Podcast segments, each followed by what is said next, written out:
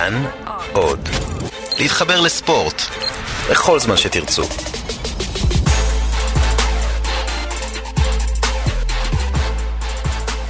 שלום, אה, אנחנו בבין שניים, פודקאסט ה-NBA של תאגיד השידור הישראלי. אני אודי הירש, ויש לנו פה אורח מיוחד, איתנו דן שמיר, מאמן הפועל חולון, המאמן המעוטר של הפועל חולון, ובאופן אה, מאוד חריג, אה, אנחנו לא נדבר איתו כמעט על עבודתו בפועל חולון, על הקריירה שלו, על עתידו, על עברו, על לבטיו המקצועיים.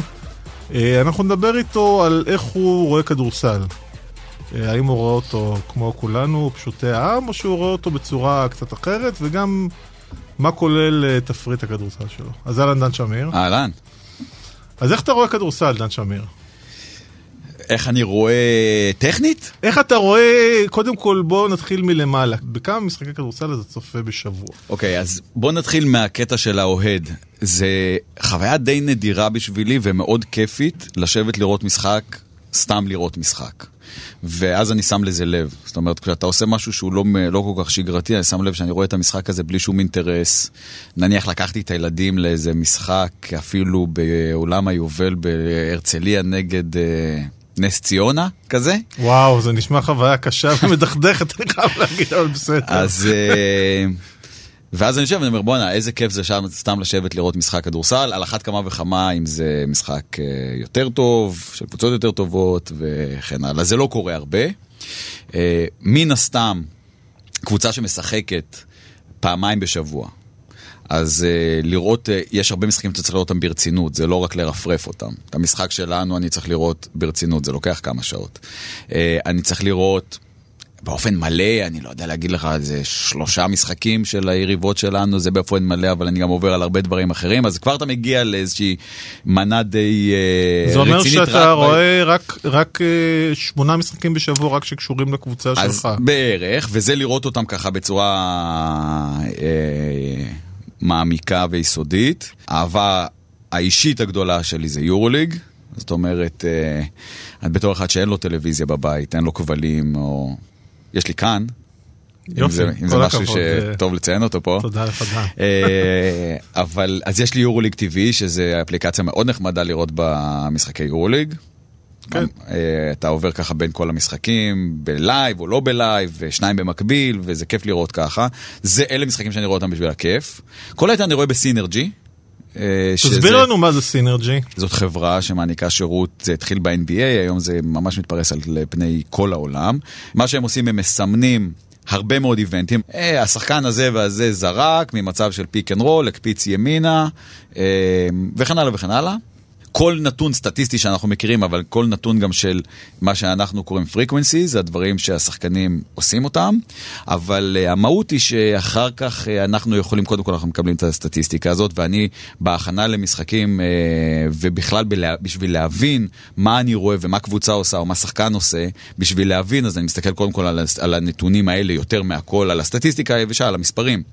מה כל אחד עושה, כמה נקודות הוא עושה פר פוזיישן, אלה המספרים האמיתיים האקוטיים שאני מסתכל עליהם היום. אז פעם בכמה זמן אני הולך לראות את מה שנקרא בסינרג'י ATO, אחרי כל... לא רק טיימאוטים שהמאמן לקח. לטובת אה, אחרי פסק זמן. כן, אה, after time out. אחרי כל פעם שהייתה עצירה במשחק, רוב כל המאמנים נותנים איזה 2-3 מילים ואומרים לקבוצה מה עוד אנחנו נעשה בהתקפה הבאה. אז אלה ההתקפות שבסופו של דבר הן ככה מהונדסות. אז אה, אם אתה הולך ל-ATOs של כל קבוצה, יש שם המון, אז אתה רואה ברצף את כל ההתקפות של קבוצה אחרי ש...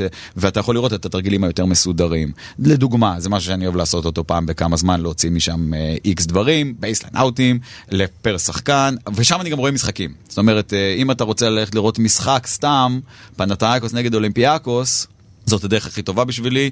את המחצית הראשונה לפחות, עד שזה יתפוצץ. בדיוק, כן. בדיוק. ובאמת ראיתי את זה, היה מספיק לראות את הדקה הראשונה, להבין שיש דברים בגו. אם כבר דיברנו על Synergy, uh, יש הסיפור של uh, Advanced Stats, סטטיסטיקות מתקדמות, שזה כבר שנים ב-NBA, שחקנים שחשבנו שהם טובים בעצם גרועים, כמו כרמלו אנטוני או אלן אייברסון, אומרים שכל הקריירה שלו הייתה בלוף אחד גדול, כי הוא לא מסר, הוא פגע בקבוצה.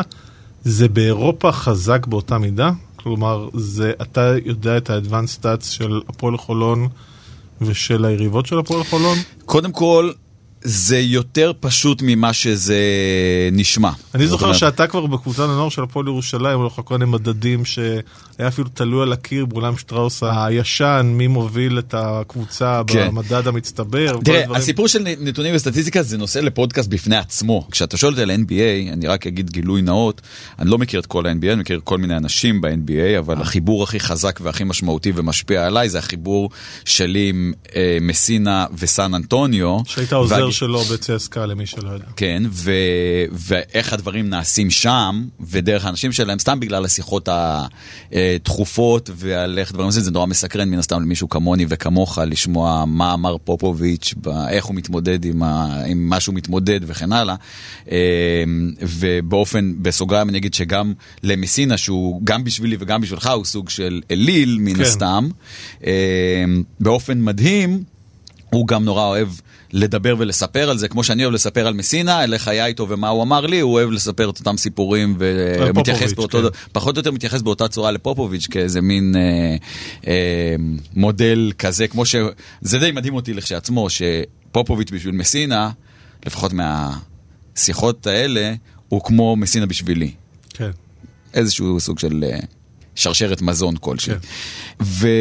ודווקא אני עוד פעם אני חוזר לנושא הנתונים והאדוונס סטאצ, אז דווקא למשל בסן אנטוניו, מסינה לדוגמה, כשאני נפגשתי איתו, הוא היה מאוד אה, לא פתוח ליותר מדי נתונים.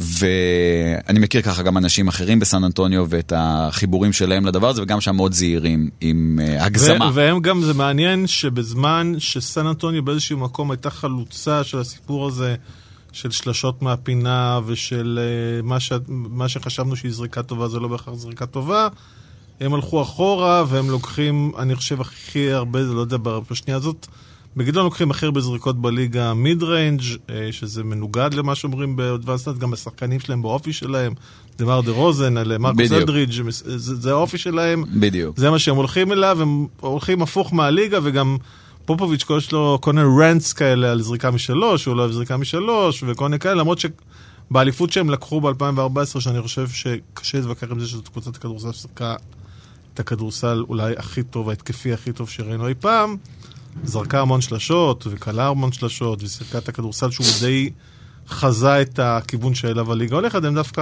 הלכו אחורה, אולי כי זה האופי של השחקנים שיש להם. כן, והם גם לא כל כך, אה, הם מצליחים במיוחד, זאת אומרת, אם אתה לא. רוצה, כן, הם לא, הם לא כך טובים בכדורסל, בואו נשים את זה על השולחן. תראה, מה- הנושא של קליעה מש- משלוש הוא נושא די טחון ולעוס, והוא כבר לא המצאה, אבל אני הייתי ממש בחילופי, אה, בחילופי הדור. אה, אני לפני... אה, 13, 14 ו-15 שנה הייתי עוזר מאמן של פיני גרשון במכבי, אה, ושם אה, האידיאולוגיה הייתה אה, מה שאז כינו ה- כל מיני אנשים, ציטטו את פיני באיזשהו אופן, הגנת האחוזים. דווקא בצד ההגנתי, אנחנו נותנים לקבוצות לזרוק מבחוץ, שמרנו אז הרבה אזוריות, כן. נותנים לקבוצות לזרוק מבחוץ, ופעם בכמה זמן האמנו שאנחנו מפסידים משחק בגלל שקבוצה קולעה הרבה שלשות. בא כן. ריטס וילנה, וכלאו שלשות, ואז היה נכנס פיני גרשון לחדר הלבשה, ואומר, לא נורא, זה המשחק הזה שפעם אחת קבוצה עשתה שלשות, ולא נורא, לא לדאוג, במאני טיים זה לא קורה, ואנחנו נמשיך בשלנו, ובאמת זה, זה, זה עבד, זה קרה. כן. והאמת היא שכשהגעתי, הייתי עדיין... אה, חבר אה, די נאמן במפלגה הזאת עד שהגעתי דווקא למסינה, שהוא מאמן מאוד controlled, ולא חשבתי שהוא כזה אה, חסיד של אה, התפרעויות למיניהן, ודווקא אצלו אה, עשיתי משהו שהיום כולם עושים, זה לא משהו, למדתי משהו והבאתי ככה כל מיני אה, ציטטות של... אה, הקליעה מבחוץ היא דבר ראשון, זאת אומרת, קלעי חייב לזרוק, אין דבר כזה שקלעי לא יזרוק. זאת אומרת, אתה חייב לזרוק את הזריקה אם אתה פנוי. דברים כאלה שלא היו ולא נשמעו. זאת אומרת, שחקן, אה, הוא אמר למיצוב, אוקיי, ולאדה מיצוב, שהוא לא זרק איזה זריקה, אה, זה כמו עיבוד כדור מבחינתי, לא זרקת את הזריקה, ואתה אם אתה מחטיא שלוש זריקות, עכשיו זה העבודה שלי להחליט אם אתה נשאר במגרש או לא, אבל את הזריקה הפנויה אתה חייב לזרוק, ובחילופי המשמרות האלה, היום, הקבוצות הטובות זורקות, בוא נגיד, אה, ריאל מדריד ביורוליג זורקות 43% מזריקות השדה שלהם, 43% אנחנו לכיוון החמישים כבר, זה הולך ועולה אה, שלשות לעומת זריקות לשתיים. אבל הדבר הזה כבר כולם יודעים אותו, וכולם יודעים שהזריקה הכי טובה, כבר תמיד עשו את העניין של הפינה ב-NBA, אבל לאירופה זה קצת פחות רלוונטי. אה, יש לזה איזשהו, איזשהו עניין של, ב-NBA השלשה מהפינה יותר, יותר קרובה. יותר קרובה, כן. היא גם יותר קרובה, וגם הזווית, וגם איזשהו עניין של הריווח והקלעים בדרך כלל בפינות וכן הלאה, זאת הזריקה הכי טובה. אז כולם יודעים שלאפ, דנק, זריקת עונשין ושלשה מהפינה אלה הזריקות המועדפות. כולם גם יודעים שצריך לזרוק היום הרבה, אבל מה שאתה מכוון אליו בעניין של פופוביץ' זה שהמשחק לגמרי הפך להיות, הוא, הוא מדבר על קזינו, ואני מאוד מרגיש את זה. מאוד מאוד מרגיש את זה ביום יום שלי. גם בכדורסל בישראל, בכלל, באירופה? בכלל, לא, אני לא אומר את זה לרעה. תמיד שואלים אותנו מה לא עבד ומה כן עבד, ומה עשיתם, ומה תוכנית הכדור, המשחק. הכדור לא נכנס. ומה תוכנית המשחק, ובסופו של דבר, ומה הקבוצות הטובות ומה הקבוצות הלא טובות, וכשאתה מדבר על Advanced Stats, סתם ניקח את, ה, את אחד הנתונים הבסיסיים ביותר, להראות מה מבדיל קבוצה בין הניצחונות להפסדים. מה מבדיל בסופו של דבר בין ניצחון להפסד, כשאתה הולך ובודק. אז פעם היינו... לפני 15 שנה באמת הייתי מוציא איזה חמישה-שישה נתונים על קבוצה או על זה, והייתי אומר, אוקיי, למשחק הזה אנחנו צריכים להכריח את השחקן הזה לעשות ככה וככה, ואת הקבוצה לעשות באופן כזה. הייתי מגיע לכמה תובנות אה, די משמעותיות.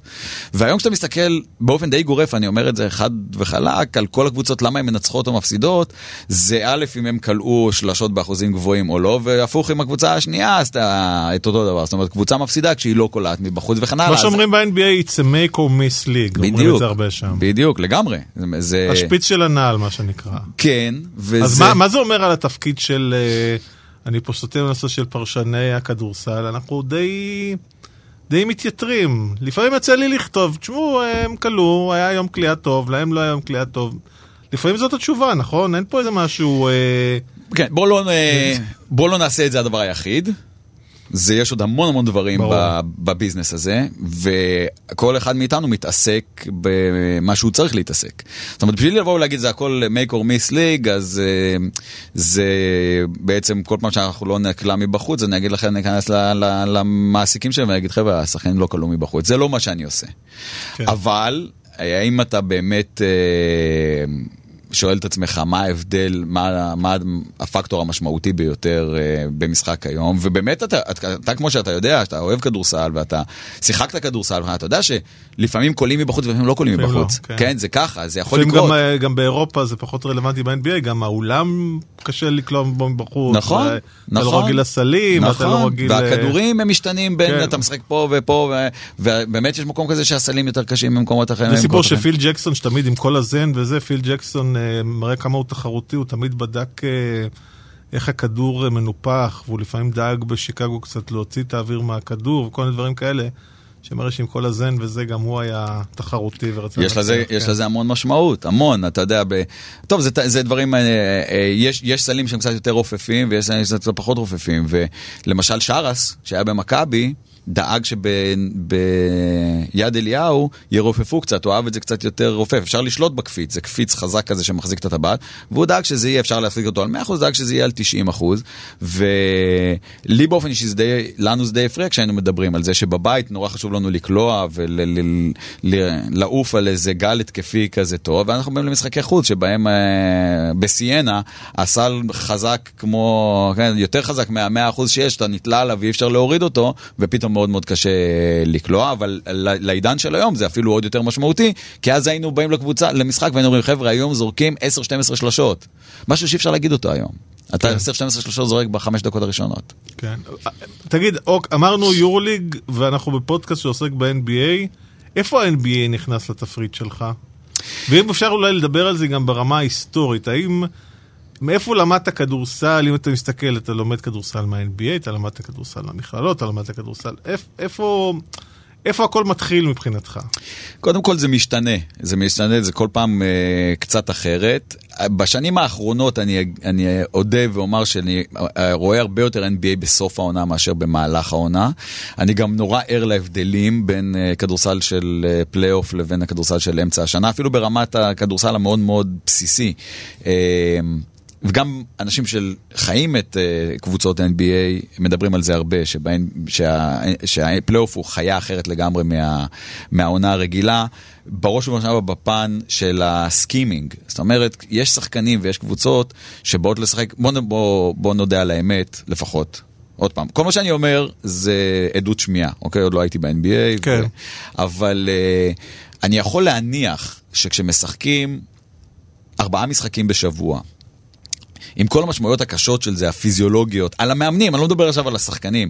אני מכיר את ההפרעות השינה שיש לי מלאמן אה, כדורסל. זה יוצר לך הפרעות שינה מפה ועד אחת. אתה גומר משחק בשעה 11 בלילה, אתה לא יכול להירדם, כן. אתה לא יכול להירדם עד לא יודע איזושהי שעה. למחרת אתה, בא, אתה צריך כבר להתכונן לאיזשהו משחק, ואז טסים באמצע הלילה וחוזרים, וכן הלאה וכן הלאה. וכשאתה תכפיל את זה, את מה שאני עושה, אה, תכפיל את זה פי... שתיים או שלוש למה שעושים uh, ב-NBA, אז אתה מבין שביום יום שלך אין הרבה התאמות. מה שאתה יודע, בכלל מתאמנים ב-NBA? תלוי מי, יש קבוצות שכן ויש קבוצות שלא. קבוצה כמו סן אנטוניו לדוגמה, שדוגלת במנוחה, אה, ומסינה הוא מאמן של אימונים.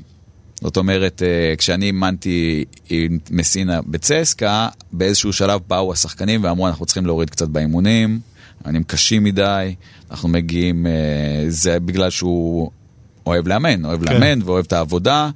ומאוד אה, חי את זה, ובימינו הוא יכול להגיד לי, כשאנחנו מדברים, הוא יכול להגיד, אתה יודע שאנחנו, אימון הקודם שלנו היה לפני שלושה שבועות. וואו. וכשאני מדבר על אימון, זה, זה אימון עם חלק live. חלק live זה אומר שרצים חמש, חמישה נגד חמישה כמו משחק. כמובן שמתאמנים, זורקים, ועושים שלים, ומראים מה עושים. של, מה זה שלים? של, תסביר לטובת ה... שלדריל זה, שלדריל זה איזשהו לתרגל איזושהי קליפה מן חזרה גנרלית בלי, ה... בלי ללכת uh, all out, אוקיי? רק רצים כן. את, ה... את העמדות, זה יכול להיות ממש walk through, זה יכול להיות מה שנקרא run through, אבל בכל מקרה זה לא חי, אין את האינטנסיביות של מגע וכן הלאה. יכול להיות וכן... שמאמן, אגב, יוסיף תרגיל. פשוט יראה, לה, יראה לקבוצה שלו באייפד או משהו כזה, ו... תלמדו את זה בבקשה ותעשו את זה היום בערב. אנחנו מדברים על NBA עכשיו? על NBA לצורך okay. העניין. NBA, וזה גם כן כל כך חשוב להבין שאנחנו מדברים על חיה אחרת וספורט אחר. ממיליון, ממיליון אה, אספקטים, אבל לפחות מה, בוא נדבר על האספקט שלי. אני כשאני הולך לשחק נגד קבוצה, כמעט כל קבוצה, אני צריך ללמוד אותה טוב טוב, אני רואה, דיברנו על זה בהתחלה, אני צריך לראות כמה משחקים וכן הלאה. פופוביץ' לא רואה וידאו של קבוצות, לא רואה. עכשיו, כשהוא כשאני שמעתי על זה שהוא לא רואה אף פעם שום וידאו, זאת אומרת, תשאל אותו עכשיו איך קוואי לנארד בטורונטו, הוא יגיד, אני לא יודע. הוא לא רואה. לא יכול להיות. אוקיי. אז אולי במקרה הספציפי הזה אולי, אבל הוא לא רואה את הקבוצות היריבות. עכשיו אתה שואל את עצמך איך זה הגיוני, המאמן הכי אה, גדול שיש, ואתה מבין ש... בוא נדמיין סיטואציה שאני מאמן רק בליגה הישראלית, את, ויש לנו את ה-12 יריבות האלה בליגה הישראלית, והשחקנים לא מתחלפים. ויש תחלופה בשוליים, אבל השחקנים המרכזיים לא מתחלפים. ואלה הקבוצות שאני משחק נגדם, וגם המאמנים, חזר. וגם, וגם המאמנים לא, לא מתחלפים. מתחלפים. בדיוק, המאמנים גם לא מתחלפים. כמה באמת אני צריך לראות עכשיו, עוד פעם כשאני הולך לשחק נגד גליל, את הקבוצה של אריאל בית הלחמי, ששיחקתי נגדם ב-15 שנה האחרונות מיליון פעם, ואלה אותם שחקנים וכן הלאה. כמה? ואת הקצת שאני צריך לדעת ולראות, אז כמובן שיש לי עוזר מאמן שמביא לי את הנקודות ואומר, אוקיי, זה מה שהם עושים עכשיו וזה שהם הכניסו, אבל האלמנטים, אתה יודע שב-NBA יש טרמינולוגיה שלוקח קצת זמן ללמוד אותה. עד לפני גם כן איזה כמה זמן עוד היו לוקחים קרדיט על אני עשיתי ומה עשית וממי אתה לוקח, וב-NBA זה בכלל לא קיים, כולם משתמשים באותם אלמנטים. שיש להם גם שמות, אתה פחות או יותר מנסה לעשות, לעשות אי אלו התאמות לפרסונל שלך, ולכן עכשיו כשאמרתי לך שזה, שזה different sport וממש עולם אחר, אני יכול לדמיין כזה דבר שאני הולך לשחק נגד אותו מאמן, אותה קבוצה, כשאתמול היה לנו משחק שם, שאתה פשוט מגיע למשחק והולך לשחק אותו, ואם עכשיו היה לך טרייד וקיבלת איזשהו שחקן, אז אתה אומר לו זה מה שאנחנו עושים, וזה תרגיל שעשית, נעשה אותו לך, את הדברים האלה, עשית את זה בקבוצה הקודמת שלך, ואם אתה לא, זה משהו, זה אלמנטים ששחקנים מכירים ויודעים ועשו. הם חיים באותה סביבה. כל החיים שלהם, באותה, מדברים את אותה שפה, התחלופה לא גדולה. כמה פעמים אתה משחק נגד אותו שחקן, אתה צריך עוד פעם לקבל את אותו סקאוט ריפורט שהוא הולך ימינה, הולך שמאלה ושהוא קולע, השחקנים האלה מכירים אחד את השני ברמה שאנחנו לא מכירים. אז uh, כל הסיפור הזה במהלך העונה הרגילה הוא אחר.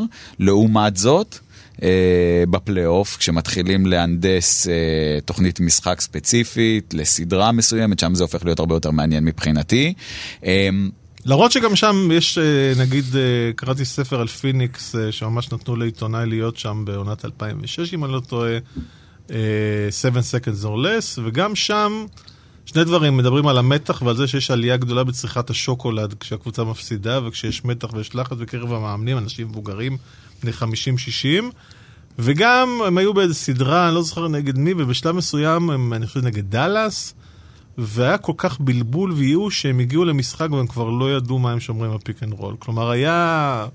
הם כבר היו מבולבלים בעצמם, מרוב פתרונות ומרוב... כלומר, אני לא יודע, אומרים שדנטוני הוא מאמן הגנה לא כך טוב, אבל אני מניח שזה קורה בעוד מקומות, מדובר בבני אדם, ואני מניח שיש בלבול ויש קושי גם במצבים האלה בקבוצות uh, הכי גדולות.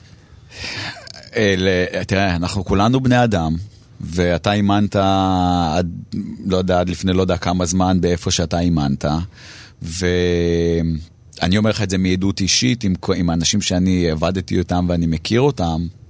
שהם חווים את אותם דברים, אותם לחצים, אותם, אני להפך, אני מעריך את זה, אני אוהב את זה יותר, אני אוהב את האנשים שלא עושים אה, הצגה של משהו שהם לא. כן. וכל מישהו ככה יותר אה, אמיתי וחשוף, כמו האנשים שעבדתי איתם, כי הם באמת טובים, הם יגידו לך את האמת, שיש מצבים שאני לא יודע מה לעשות. ולא כל דבר שאני עושה מצליח, ולקרוב הדברים אין תשובה. זה דברים שאני מנסה להסביר אותם לאנשים שהם לא מהביזנס, כשהם באים והם אה, אה, נניח בעלים, או חברי הנהלה, או אנשים שבאים מכל מיני תחומים, או עיתונאים, או אוהדים אפילו שאני מדבר איתם. קשה, ל, קשה לה, להרבה אנשים להבין את המהות של העסק שלנו, אנחנו בעסק ללא נוסחה. אם הייתה נוסחה, כולם היו עושים את זה. כולם היו מנסים לעשות okay, את זה. אוקיי, אבל בוא, בוא אני אקשה לך. אתה אומר שאין נוסחה, ובכל זאת אמרת שחוזרים ל-NBA, שכולם ב-NBA עושים פחות או יותר אותם תרגילים. עכשיו, פעם, אני זוכר, היינו יכולים להגיד, שמע, המאמן הזה, אני רואה את התרגילים שלו, אין לו מושג. הוא משחק תרגילים של פעם, היה כל מיני תרגילים, guard cut, guard behind, פעם שכל הליגה בישראל הייתה עושה. הוא עצלן, הוא לא מנסה לחדש, הוא לא מנסה להביא. איך אתה יכול להבין, זה מאמן טוב וזה מאמן לא טוב, כי אנחנו רואים את ה-NBA, כולם עושים פחות או יותר אותו דבר, וגם באירופה, איך אנחנו מבינים מי מאמן טוב ומאמן פחות טוב? אה, קודם כל, מה שאמרת... יש מאמן יותר טוב ופחות טוב. קודם כל, מה שאמרת, 100 מ-100, חד וחלק. התשובה היא כזאת, מה שאצלי מאוד נחשב זה איך הקבוצה משחקת. גם תרגילים, אני אוהב לראות, בואנה איזה יופי הוא עושה פה, ולפעמים אתה מוצא איזה משהו שאתה אומר בואנה זה ממש גאוני, וכן הלאה. אבל כשאני מסתכל על קבוצה, אני אומר בואנה, הם ממש יודעים לשחק. הם יודעים, כי אם אתה חושב על, אני אנסה לתקוף את זה מהכיוון אחר. אמ, כל קבוצה יש לה איזושהי אסטרטגיה הגנתית בסיסית. כל, כל, נניח ניקח את האלמנט הנפוץ, pick and roll, כל קבוצה יש אסטרטגיה הגנתית בסיסית. ואם קבוצה יודעת להיות כזאת, להתאים את עצמה בין. אה, ההתאמות ההגנתיות ויודעות למסור לכל דבר ועל כל דבר שאתה תעשה הם ימצאו את השחקן הפנוי ש... שבסופו של דבר גם אם הם לא יקלעו את הזריקה, ייקח את הזריקה שאתה רוצה לזרוק, ככה אתה יודע שקבוצה יודעת לשחק, שיודעת להתאים את עצמה, כל אחד יודע להיות במקום הנכון ובזמן הנכון, אבל זה הרבה יותר משמעותי כשקבוצה יודעת לשחק אה, מאשר אה, איזה תרגיל הם עושים, והדוגמה הכי בולטת זה אוברדוביץ' שדיברנו עליה בהתחלה, איך הוא מצליח לכפות על הקבוצה שלו, גם להתאים את עצמו, אבל גם לכפות על הקבוצה שלו לשחק בדרך מסוימת ולשחק כל כך חזק. כמו שהם אה, משחקים, כי הקבוצות שלו בראש ובראשונה... באינטנסיביות אה, מטורפת. בראש ובראשונה אוברדוביץ' ושרס, בעיניי אלה שני המאמנים שמביאים את הקבוצות שלהם לשחק באינטנסיביות הכי גבוהה בשני הצדדים של המגרש, ביורוליג, בי פאר. גם הם הכי אינטנסיביים באיזשהו מקום. נכון. לפעמים אין יחס ישר בין אינטנסיביות של מאמן לאינטנסיביות של קבוצה. אתה צודק, הם, גם, הם גם בסופו של דבר איזשהו, תראה, אם אתה חושב על מה, איזה מאמנים, וזה נחזור ל-NBA, אתה חושב איזה מאמנים איזה אבולוציה יש למאמנים ב-NBA, וזה משפיע, זה משפיע גם על אירופה מאוד, אוקיי? NBA מאוד משפיע על אירופה בהוויה. אה, ואם תחשוב על האבולוציה של המאמנים, אז כבר יש הרבה פחות מאמנים שהם כאלה דמויות בומבסטיות, כמו, סתם יש עכשיו את פיטינו בפנתנייקוס, אני הייתי אצל פיטינו לפני 20 שנה בקנטקי, והוא היה מין דמות גדולה מהחיים כן. כזאת, צווחן, ו... וטוטאלי וטוטליטר, אוקיי? ו, ומין דמות כזאת שהוא מרכז העניינים. עם העזיבה למעשה של תום טיבודו את uh, מינסוטה, נראה לי שהוא היה אחרון המוהיקנים, זאת אומרת... Uh... ג'וון גנדי, שהוא היה מין מאמן כזה, לא מזמן שמעתי אותו מתראיין על העבודה שלו בנבחרת ארצות הברית, שהוא מדריך במוקדמות אליפות העולם, והוא דיבר, שאלו אותו מה ההבדל בין NBA לאירופה, אז הוא אמר ב-NBA אסור לגעת כשחודרים לסל, ולא אירופה, דרום אמריקה, אסור לחדור לסל אה, בלי ששוברים לך את השיניים. כן, טוב, זה, זה, זה, זה, אבל, זה כשאתה שואל למה לא, למה לא רואה כל כך הרבה NBA, זה גם כן, אתה יודע, כן. הרבה דברים, אתה יכול לקחת איזה תרגיל מה-NBA, ה spacing שונה, וגם ה-freedom of אה, movement ב-NBA הוא מאוד מאוד שונה מההגנה ביורוליג, אוקיי? מאוד מאוד שונה.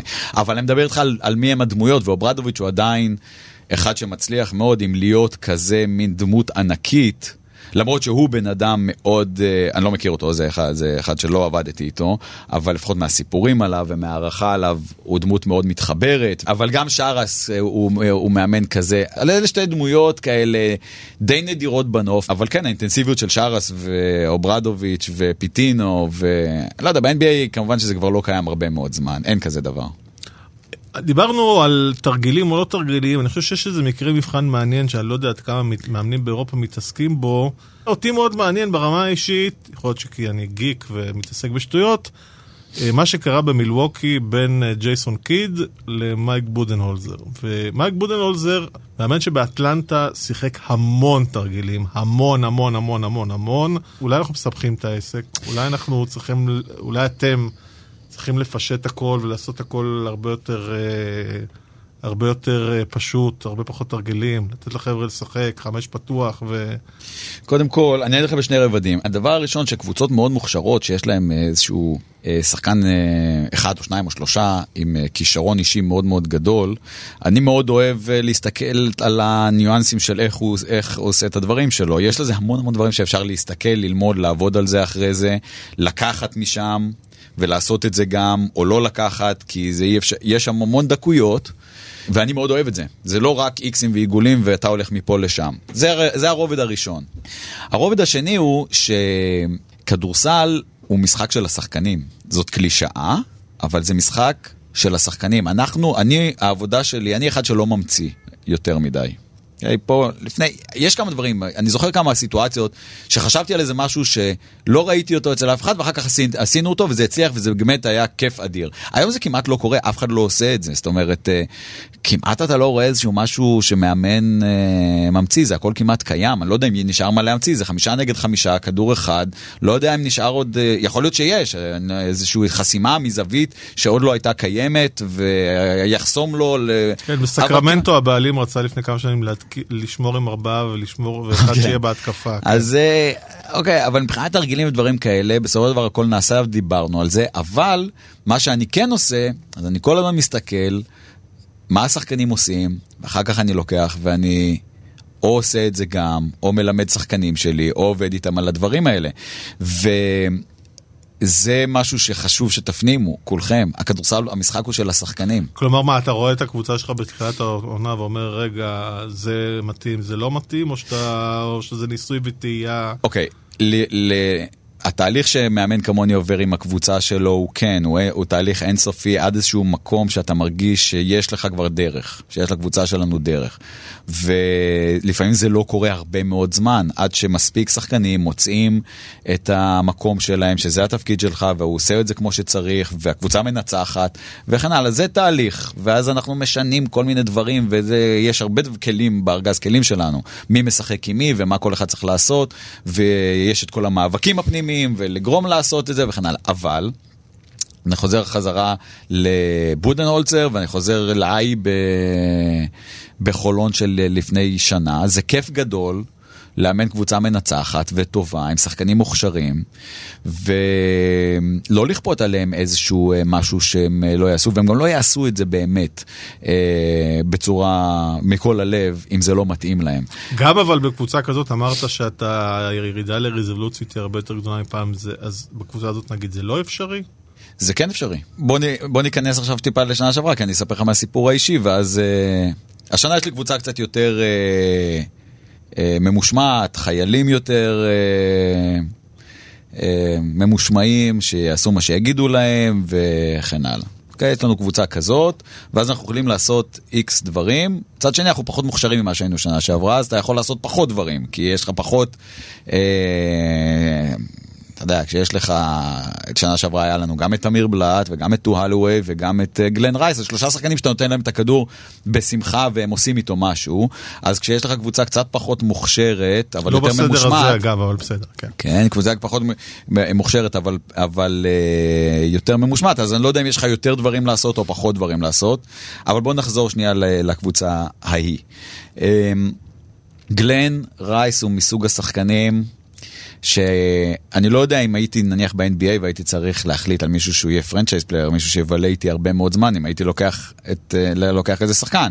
זה לא שחקן שקל לחיות איתו בתרבות הארגונית שלך, הוא מאוד בעייתי מחוץ למגרש, וגם במגרש הוא אה, לא פרטנר עד הסוף. כי זה לא מישהו שאתה אומר לו זה מה שאני רוצה שאתה תעשה, ואז הוא הולך והוא עושה אחד לאחד ושום דבר אחר לא קורה, והוא לא teammate מדהים, כי הוא יכול לצעוק על שחקנים, דברים שהם לפעמים אה, מתאימים ולפעמים לא מתאימים, אבל הוא שחקן מאוד מאוד יעיל ומאוד איכותי.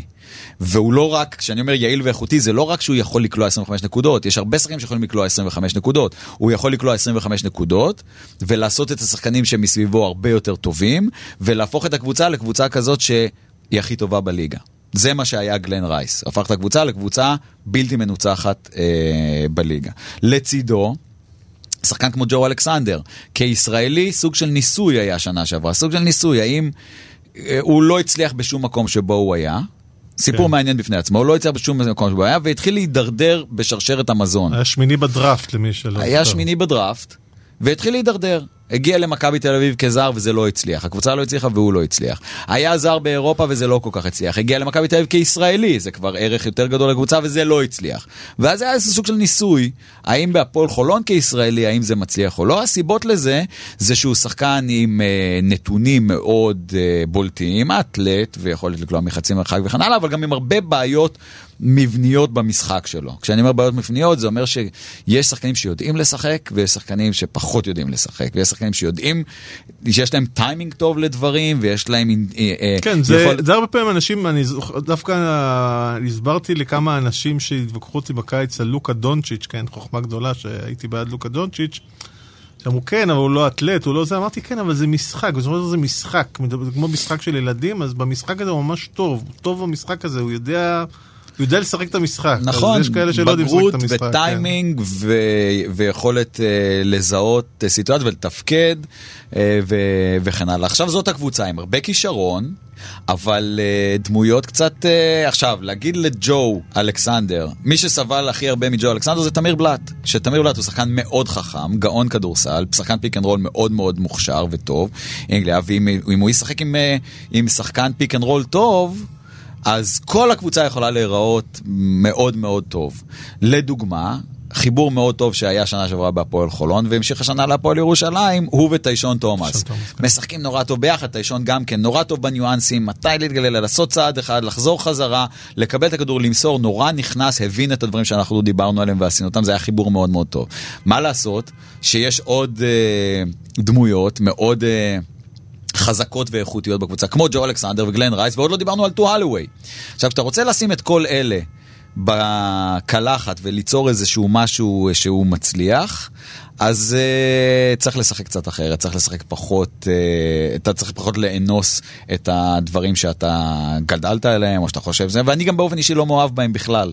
בכלל אני לא מאוהב באיזה כל מיני, באיזה כדורסל נורא מסודר וכן הלאה. נורא נהניתי, היה חיבור מאוד טוב בין המקום לבין הקבוצה. כן, זה משהו שאתה, יש את המילה הזאת שלא נגיד פה, שמתחילה בלמד ומסתמנת בפ', התדמית שהודבקה לך, מי שעוקב אחריך לאורך השנים, אתה די נותן, אני לא יודע עד כמה ניתן לקרוא לזה חופש, אבל הקבוצות משחקות פחות, עם יותר חופש לפעמים מאמנים שיש להם תדמית שהיא... אה, נכון, תראה, קודם כל לעזוב את התדמית זה משהו שהתחלתי לאמן וקופמן, איך קוראים לה, ביציע העיתונות, אה, הגה את זה, זה לא משהו שהוא יותר מדי, אין, אין לי שום רגשות שליליים נגד הדבר הזה, אבל זה שמשום בחינה זה לא משהו שממש צריך להתייחס אליו, קודם כל יש לי לפטופ, תמיד היה לי, כן, תמיד התבססתי על נתונים. לפטופ זה כבר עוד מעט, זה כבר, זה כמו להגיד אה, ספר טלפונים, זה כבר משהו מיושן. אבל כן. אוקיי, לצורך העניין, כן, תמיד הייתי לוגי. והתבססתי על איזשהם נתונים, וגם כשאני מדבר עם שחקנים אני אומר להם, היי, זה תסתכל רגע, בוא אני אגיד לך למה אני עושה את זה ולמה אני רוצה שאתה תעשה את זה, ככה אני עובד, אני לא עובד באיזה מין אה, משהו כזה יותר מדי מיסטי, זה אני, זה אני. יש כאלה שחושבים, אני גם חושב שזה מה ש... אה, עובד היום, בגלל זה אני מאמין בזה, אם הייתי חושב שזה לא מה שעובד הייתי עושה דברים אחרים. לגבי אה, איך תכלס אני רואה אה, את, את העבודה שלי ואת המשחק, אני חושב שהתפקיד של מאמן כדורסל זה להביא שחקנים, במיוחד בסביבה כמו שלנו, בישראל, שמביאים שחקנים, מלקטים שחקנים כל פעם, וזה תמיד נורא זמני. התפקיד שלי זה להביא שחקנים טובים, עם יכולות, ואנשים טובים. עם איזה שהם, אה, זה מה שבדרך כלל מאוד מאוד אה, מנחה אותי, לשים חבורה של אנשים טובים בחדר הלבשה ביחד. ו... למרות ששמלוק שנפטר לאחרונה, או הגישה שלו הייתה שונה, הוא תמיד אמר שהוא מחפש את האנשים הרעים. אוקיי, אבל... אבל אתה לא רוצה לשים קבוצה, מה זה, השאלה היא מה, מה זה רעים. גלן רייס זה נחשב מישהו שהוא כזה קצת שרוט, אבל הוא עשה הרבה טוב לחדר הלבשה שלנו, הוא עורר אותו, הוא עורר את הקבוצה. אני, גיא פניני, שבועיים לפני שהוא uh, קיבל אגרוף מגלן uh, רייס ונגמר החלק הזה של גלן בקבוצה שלנו, הוא אמר לי הוא לא כזה גרוע וקצת לפני זה הוא גם אמר לי אני ממש מאוהב בבן אדם הזה, זה כיף לשחק איתו, הכדור עף, הוא ייתן לך... גיא פניני אגב זה מישהו שיחשבו, יש אנשים שיגידו שהוא לא uh, איש קל אוקיי, ולא איש... אז אוקיי, זה, זה נושא לשיחה אחרת, מה זה, מה זה טוב ומה זה לא טוב, אבל מישהו שהוא לא טוב, יש שחקנים שאני ממש לא נוגע בהם, שהם נורא מוכשרים ואני לא נוגע בהם, והרבה פעמים הבעלים שלי ועוזרי מאמנים שלי, והרבה אנשים לוחצים אותי, אומרים בוא ניקח את השחקן הזה, ואני אומר אני לא נוגע בשחקן הזה. אה, אני אגיד לך אחרי זה דוגמה מאוד מאוד עכשווית, בגלל שהרפיוטיישן שלו הוא כזה שהוא יפרק לי פה את העסק, זה אני לא עושה. אבל בעיקרון אני מביא שחקנים עם כישרון, ואני נותן להם לשחק, בגלל זה קליף ווייט אצלנו. השנה זה כבר נגמר לא כל כך טוב, לפני שנתיים זה גם נגמר לא טוב, אבל זאת הייתה שנה מדהימה בשבילו. כן, יש לך חופש, את הכדור ביד, לעשות מה שאתה עושה, ואני אגיד לך יותר מזה. כשאני בא ולמד אותו איך לשחק נגד ולאן למסור ומה לעשות נגד flat, show, switch, top side, מה שזה לא יהיה, אני מלמד אותו מה שאני חושב, אבל אני גם לא אונס אותו לעשות את זה, כי הרבה פעמים הוא יעשה משהו אחר, ואני בואנה זה עובד. זה עובד, בוא נעשה את זה, אין שום בעיה. כמו שאמרתי לך קודם, המשחק הוא שלהם הרבה יותר משלנו. ו... גם זה אמירה של מסינה. מסינה בא במימון הראשון ואמר להם, חבר'ה, בפיינל 4, במשחק האחרון שלנו, כשאנחנו נשחק על הגביע, בחמש דקות האחרונות, אתם תהיו בצד ההוא של המגרש ואני אהיה בצד הזה של המגרש ואני יושב על הספסל ואתם לא תראו אותי בכלל. אתם הבעלי בית, זה מה שאנחנו צריכים לבנות מוזר פה. מוזר שאתה מזכיר את הפיינל פור הזה, כי לא נגמר כל כך טוב. זה באמת, אבל זה באמת... חריאפה נפל לו איזה כדור מהיד. נכון, וזאת באמת הייתה החוויה. זאת באמת הייתה החוויה שאתה יושב... ומכבי לקחה גביע. זאת כן. באמת הייתה החוויה שאתה יושב בצד אחד, ואת באמת נגמרת העבודה שלך, ובסופו של דבר, אני לא יודע, אתה לא היית שחקן, גם אני לא הייתי שחקן. אבל, או היית שחקן עד איזה... העליתי את הפועל נס ציונה מליגה ב' לליגה א', אוקיי. השאר בהיסטוריה. אבל אני כשאני עולה למגרש, ואם אתה תעלה למגרש מתישהו, אתה לא יודע מה, אם אתה באיזה אולם גדול, או אתה מגיע ואתה... אני כל פעם שאני עולה למגרש, אני חושב על זה. זה נראה אחרת מהזווית שלהם. המשחק. אנחנו יושבים שם ואני חושב, ולא תמיד אני רואה בדיוק מה קורה בצד השני, ואני לא יודע בדיוק מה קרה בזמן המשחק, למה איבדנו את הכדור הזה, ומי בדיוק, ומהזווית שלהם זה נראה אחרת לחלוטין. אגב, העלית נקודה מעניינת. לא היית שחקן, לא לפחות אחרי כיתה י', נכון? משהו כזה? בכלל לא הייתי שחקן, אין לי שום חוויה כשחקן. והיום אני רואה ב-NBA נגיד, אני לא חושב שיש מאמן שהוא היה פחות מקרולג', אפילו ברד סטיבנס. בדיוק ראיתי את מייק מלון קולע סל באיזה אימון על מרי, ואין כמעט מאמן, לא מדבר על שחקן NBA, שלפחות אפילו אה, פופוביץ' היה רכז, אפילו היה בטראוטס לאולימפית של 72, שלא היה שחקן של אה, ארבע שנים. זה מפריע לך? בטוח. כשאני, אני אומר את זה, אני לא אחד כזה שאני חושב שהקריירה ומה עשית ומה לא עשית, אני לא חושב, אני לא מייחס לזה יותר מדי אה, חשיבות. אנחנו עוד איזשהו פסיק ב- בהיסטוריה של הספורט, של ההיסטוריה של העולם וכן הלאה. אני לא מחשיב שום דבר שאנחנו עושים יותר מדי. אבל אני כן חושב שאם אתה היית שחקן, ויש לך איזשהו רפיוטיישן כזה, ואתה יכול לדבר עם שחקנים כזה על החוויות שלך, ואולי הם, ראו, הם גדלו עליך אפילו, השחקנים שלך, ו, ואו שאתה בא מאיזשהו רקע, יש עדיין, בעוד שבהרבה תחומים בעולם, השורשים מתחילים להתפוגג, וזה לא משנה מאיפה באת, כי אתה יכול להיות, לכתוב איזה אפליקציה מנצחת ותביס את כל ה... לא, או איזשהו אלגוריתם, והוא יהיה יותר טוב משל בנקים גדולים איפה שהם גדלו. בספורט עדיין יש איזושהי שושלת מלוכה מסוימת. ולשחקן, למישהו שלא היה שחקן כמוני, או לא היה, לא גדל בארצות הברית, או לא, בטוח שזה הרבה, זה, זה פחות טוב מלגדול כשחקן. גם יש... הבר... אגב, אנשים שוכחים שאוברדוביץ' היה אחלה שחקן. היה שחקן נבחרת סרביה. כן, okay, יוגוסלביה אפילו. לגמרי, אה, יוגוסלביה, בדיוק. ג'רג'ביץ' היה רכז מחליף שלו. ב... ברור, זה, זה, זה, בטוח שזה משפיע גם אה, על, על כל מי שאתה. אה, מה שכן, יש לא מעט שחקנים, בהפוך על הפוך, יש לא מעט שחקנים שלא הצליחו להשתחרר לגמרי מהרבה מאוד פרדיגמות שלהם בגלל שהם היו שחקנים ומה הם היו כשהם שיחקו, אה, ולהבין שהמשחק הוא כבר לא שלהם עכשיו, הוא של שחקנים אחרים, ודברים אחרים הולכים, והם צריכים לחשוב אחרת, ואני, לעומת זאת, הייתי תמיד סטודנט של המשחק, תמיד למדתי את המשחק מאחרים, משחקנים, ממאמנים, מעוזרי מאמנים, מסטטיסטיקאים, מאוהדים, למדתי כל הזמן את הנתונים של המשחק, ו... ככל שהשנים עוברות, אני גם מודע לזה שהתפקיד שלי הוא, הוא לא כזה גדול, ואני... תראה, אם אתה תבוא להפועל חולון ואתה תראה אותי באימון, אתה לא תאמין לי למה שאני אומר לך, כי אני, יש לי מלא מה להגיד, ואני כל הזמן אומר להם מה צריך, ואני כל הזמן לפעמים צועק, ולפעמים מריר, ולפעמים בקונפליקט, ואני לא איזה דמות שולית באופרציה הזאת, אבל מצד שני, אני כן, יש לי איזה חשיבה צנועה על uh, מה בסופו של דבר היכולת שלי לנצח משחק לעומת היכולת של... Uh, של אה, קורי וולדן, אוקיי? זה ברור שזה בידיים שלו, ואני גם לא מתבייש להגיד להם את זה. שאלה לפני האחרונה, לא דיברנו על 90% מהדברים שתכננו, אבל זה ממש לא נורא, כי זה הפורמט. זה פרק א'? אה, לא יודע, אה, נראה. אבל מה, איפה מכללות נכנסות לתמונה? בתפריט שלך, כי אני יודע שפעם מכללות היו מאוד דומיננטיות מבחינתך, ואני אספר פה שאפילו קראת לכלב שלך פיטינו. ושזה הכלב עם השם השני הכי מעניין בכדורסל הישראלי אחרי שקיל של עופר פליישר. איפה מכללות נכנסות לתפריט הצפייה שלך? אני גם מניח שאתה עוקב אחרי שחקנים במכללות. כדי להביא אותם לפועל חולון. לראות קולג', לראות מכללות לא יוצא לי בכלל, אלא אם כן אני רואה את זה סתם בשביל הכיף, לא יודע, דוק, לראות עכשיו בשביל לראות מה קורה שם עם מה עם ציון? בדיוק. ציון קובה. אז אני הולך לראות את זה קצת, אבל אני גם לא עוקב אחרי מכללות בשביל לראות שחקנים, זה לא משהו שאני... באמת? זה לא מה שאני אעשה, כי אני כמעט לא מביא שחקנים, כמעט לא מביא רוקי. אה, יוצא לי לראות הרבה, אוניברס... אה, הרבה שחקנים משחקים בקולג' שאני הולך לראות אותם, זאת אומרת שאני הולך להביא את טיישון תומאס. אז אני רואה את השנתיים האחרונות שלו, הבאתי את אישון תומאס לישראל, אחרי שהוא uh, ירד שתי ליגות בשתי הקבוצות שהוא uh, היה בהן, וכולם היו נגד.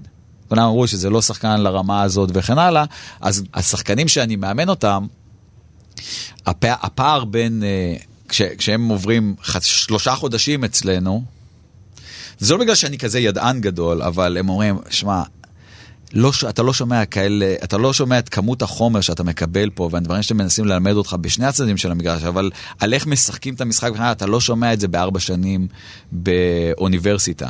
אבל אני לא, זה לא משהו ש... עוד פעם, במעט ש... בזמן שיש לי זה לא משהו שאני מגיע אליו, אני לא נהנה מזה כשאני רואה את זה, גם מבחינת ה... הכדורסל. אז הייתה אווירה מסוימת, אני לא חושב שזה משהו בשביל מאמן כמוני שיכול למצוא יותר מדי אה, אה, דברים מעניינים במשחק, אה, מכללות טיפוסי. אוקיי, אז בוא נדבר עליך. אמרת שאתה אוהב יורוליג, מה השאיפה? השאיפה זה להיות מאמן top יורוליג, להיות מאמן NBA, להיות עוזר... תהיה מוכן למחול על כבודך ולהיות עוזר מאמן שני בקבוצת NBA, או משהו בתפ... לא יודע, וידאו קורדינטור, מה... זה משהו בא... אני... באופק בכלל? תראה, אצלנו... להבדיל מרוב האנשים, מהבן אדם הממוצע, פתאום יכולים לקרות אצלנו דברים בחיים ולהעביר אותך לכל מיני מקומות אה, ולתסריטים אה, שונים מאוד ממה שאתה חי כרגע. היום אה, אני בן 44, יש לי שלושה ילדים. וואו, זה נשמע כמו התחלה של ספר של, לא יודע, ספר מדכדך של... זה לא כל כך פשוט כמו שזה נשמע, אוקיי? ללכת עכשיו ולעבור להיות...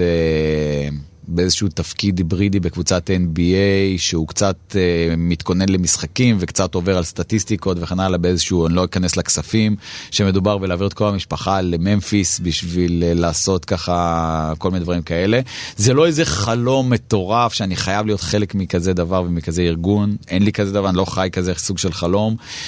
יורוליג uh, זה שוק מאוד מצומצם, זאת אומרת, ב- למאמן ישראלי להגיע ליורוליג זה עובר דרך מכבי בדרך כלל. בכלל, אני לא יודע מתי, אם, וזה, אם זה יקרה ומתי זה יקרה, והייתי מאוד מאחל לעצמי שאם זה יקרה, זה יקרה בטיימינג טוב, אז פיני הגיע למכבי ואז קרה לו מזה, יצאו לו מזה דברים טובים. שזה יקרה באיזשהו טיימינג שזה גם טוב למערכת, כי כנראה שזה צ'אנס של פעם בחיים, אה, ואתה לא מקבל אה, עוד צ'אנס, וזה למעשה הפתח שלך לעשות איזשהו משהו ביורוליג, כי אה, לא פנאתינייקוס ולא... אולימפיאקוס ולא ריאל מדריד, הם לא יבואו לדן שמיר שמאמן את הפועל חולון ובוא תאמן אותנו, זה לא עובד ככה. שאני אגיד לך שזה משהו שהוא, אה, אני חייב לעשות אותו בגדר, אני חייב לעשות את זה כדי לעשות וי על החיים שלי? לא, אני בסך הכל רואה את עצמי אה, מאמן את הפועל חולון או קבוצה כמו הפועל חולון בליגה הישראלית, בכיף, שזאת הקריירה שלי, זה מה שזה. זה לא משהו שצריך להיות עוד משהו מעבר. בוא אני אזכיר לך עוד פעם את התשובה לשאלות הקודמות. אני לא עף על עצמי באיזה רמות שאני יודע דברים שאחרים לא יודעים, ואני שוב, אני לא איזה, לא הייתי איזה שחקן עבר גדול, שם אירופי ענק, לא יודע מה. ולכן אני חושב שזה מה שזה, זאת הקריירה. ולאן, אבל מה? מאוד יכול להיות שבאבולוציה הטבעית של החיים אה, דברים קורים ואתה יכול למצוא את עצמך במקומות אה, אחרים, אבל אני מאוד מרוגש ותדע לך שאני בלחץ מאוד גדול לפני משחק ואני לא צריך שיהיו עשרת אלפים איש, גם חמשת אלפים איש, זה גם כן מלחיץ אותי ואני גם כן צריך, אה, ואני עובד על זה מאוד, וזה מעניין אותי ואני לא מרגיש שאני עושה איזה משהו, עובד באיזה מקום שהוא, שאני לא, ממומש, כבוד. שאני לא ממומש בו ואני גם לא חושב שאתה, עוד פעם, יש לך טיפה כנות, ואז אתה יודע שזה מקום שהוא, אתה, אתה, אתה, יש לך הרבה מה לעשות, וטוב לי עם הדבר הזה. אה, לכן, אם אתה שואל אותי מה השאיפה, השאיפה זה להתקיים בכבוד ולעשות את מה שאני עושה, וש... ושפחות או יותר להמשיך ככה ולא יהיה יותר גרוע. יפה, בנימה צנועה ואופטימית זאת, אנחנו נסיים, דיברנו הרבה ועוד לא הספקנו, ולדעתי אנחנו נצטרך פודקאסט המשך, וזה יכול להיות מאוד מעניין. אה, הפיק אותנו היום שלומי בן עטיה, ואתם יכולים להאזין לנו באפליקציית כאן עוד, או באפליקציית ההסכתים המועדפת עליכם. תודה.